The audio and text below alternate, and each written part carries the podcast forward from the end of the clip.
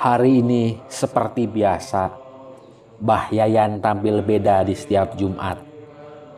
Ia sudah merapihkan lemari pakaian semalam, dan yang tak kalah penting, ia juga menyiapkan setelan pakaian paling bagus dari bagian tubuh atas sampai bawah. Tingkah lakunya hampir tidak berbeda dengan kebiasaannya ketika menyiapkan pakaian menjelang salat Idul Fitri tidak ada setitik pun sisa-sisa tanah yang biasanya dibiarkan menempel di sela-sela pergelangan kaki walaupun sudah mandi. Semuanya larut hanyut bersama air.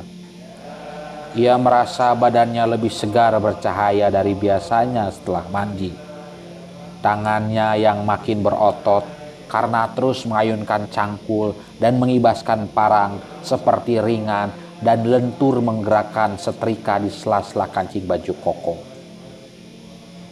Kini penampilan Mbah Yayan sudah terlihat sangat rapi dengan peci hitam, sorban putih, baju koko warna krem, sarung coklat kotak-kotak, dan yang tak kelewat penting ialah memakai masker dan sarung tangan karet.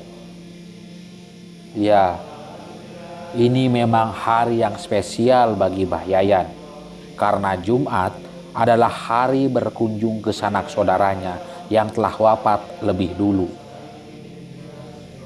Bahkan keinginan dan niat untuk mengunjungi makam keluarganya di sini sudah terbersit dalam pikiran Mbah Yayan sejak munculnya wabah corona 10 tahun yang lalu di Bandung.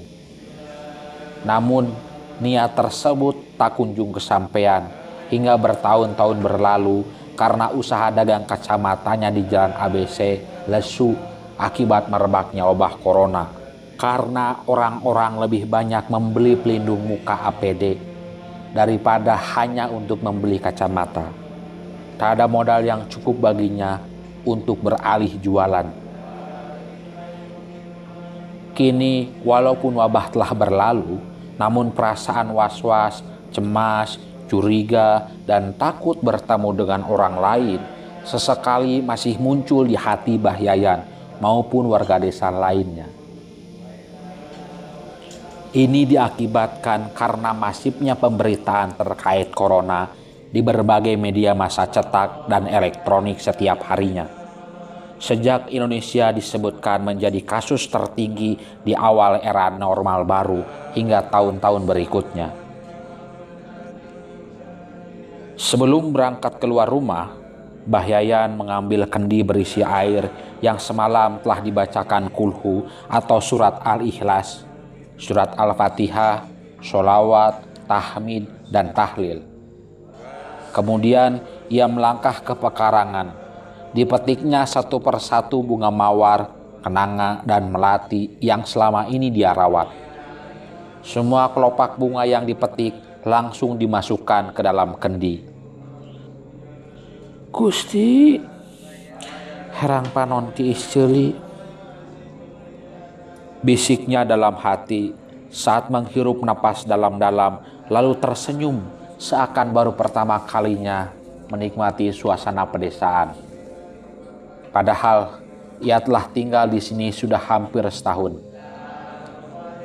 Maklum saja, karena selama ia dulu tinggal di kebun bibit Bandung, apa yang dilihatnya setiap membuka pintu ataupun jendela hanyalah tembok.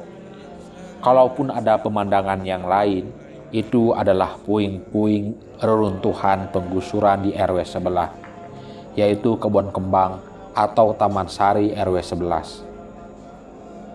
Hari Jumat memang hari raya buat Bahyayan. Para wajahnya terlihat lebih tenang dan lebih cerah Sebelum melangkah keluar, ia memeriksa buku surat Yasin dan hand sanitizer di saku bajunya. Ya Allah, tidak ada kemudahan kecuali apa yang engkau jadikan mudah. Sedang apa yang sulit dijadikan mudah apabila engkau menghendakinya menjadi mudah.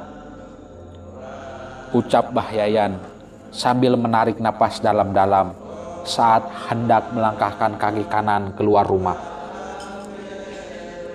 belum banyak melintasi rumah warga lain, Warga di rumah pertama yang dilintasi sudah menyapanya.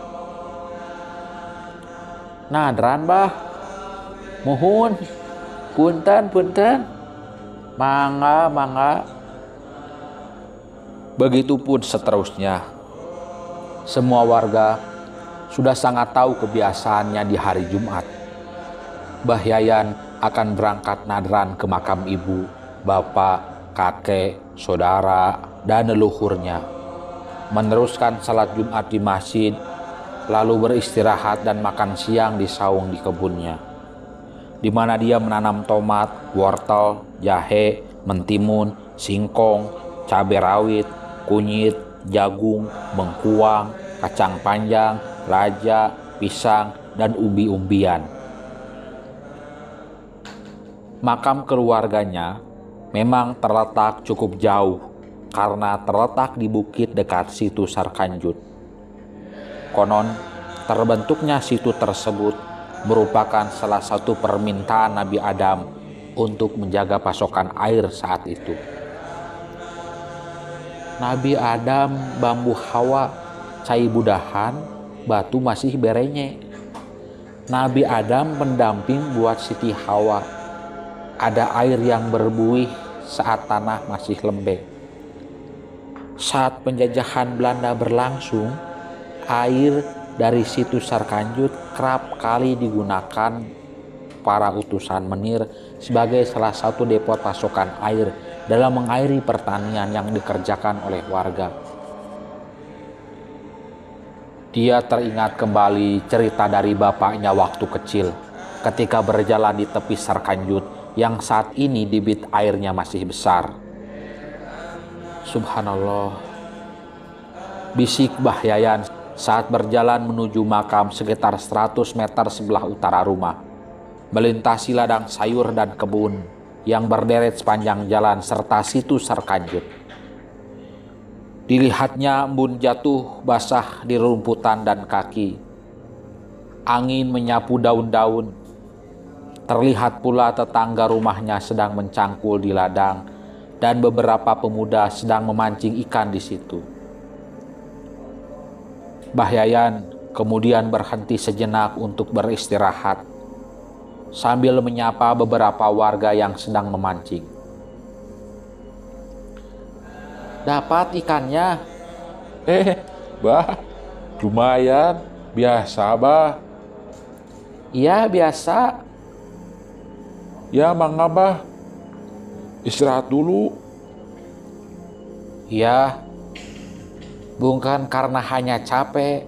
Kalau lewat sini teh, Abah mah suka pengen ketawa sendiri. Kenapa? Suka ingat cerita dulu. Sarkanjut? Iya, Sudah kebayang sih, Bah. pemancing ikan mulai tersenyum-senyum. Jadi si bapaknya Abah teh pernah cerita bagaimana hebatnya dulu tokoh warga di sini menghadapi penjajahan Belanda.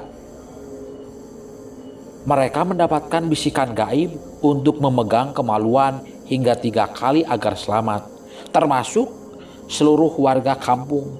Katanya dulu seluruh kampung ini selamat tanpa ada yang tertangkap bahkan terbunuh penjajah. Iya, ya.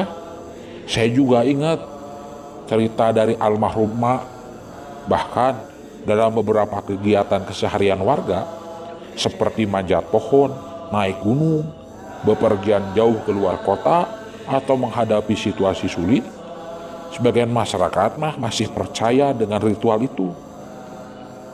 Mereka tertawa-tawa. Dulu si bapak juga pernah cerita mengaku pernah mengalami sendiri peristiwa naas. Saat mendapatkan razia ketat gabungan aparat TNI ketika rame-ramenya pemberontakan PKI. Si bapak pernah ditugaskan membawa tiga truk rombongan pegawai tukang bangunan untuk bekerja di Jakarta, mendapatkan hadangan aparat dan tanpa satu orang pun yang membawa identitas KTP atau kartu tanda penduduk.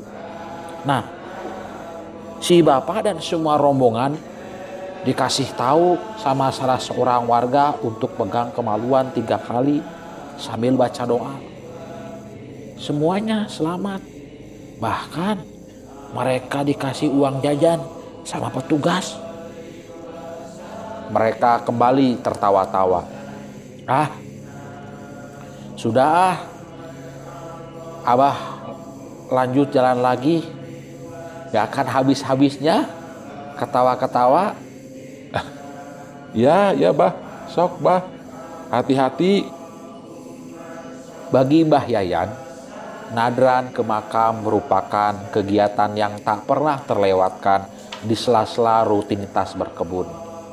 Sejak pindah dari kebun bibit Bandung ke Lewi Goong Garut tahun 2027. Nadran baginya merupakan salah satu upaya agar senantiasa mengingat dan memelihara sesuatu yang telah dijaga oleh leluhurnya.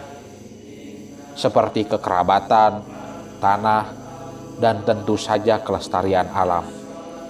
Dengan cara itu pula Bahyayan dapat mengatasi rasa kesepian sebagai duda. Sebelum sekarang jadi petani sayur dan pernah jadi tukang kacamata, dulu Bahyayan remaja di tahun 70-an sering diajak ayahnya membeli sayur dari para petani Lewi Goong untuk dijual kembali ke pasar Barubur dan Caringin. Hingga kemudian setamatnya dari semak kebon jati, Bahyayan kerja di salah satu perkebunan di Aceh dari tahun 80-an sampai awal 90-an. Ia bekerja mulai dari membabat hutan untuk pembukaan lahan kebun sampai panen di tengah wabah malaria. Tak jarang dia juga sering mendengar suara baku tembak antara tentara gerakan Aceh Merdeka dan tentara Indonesia.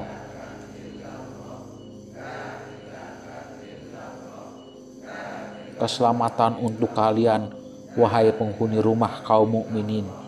Kami insya Allah akan menyusul kalian. Ucap Bahyayan saat memasuki gerbang pemakaman yang disambut suara tongeret di dahan-dahan Kamboja.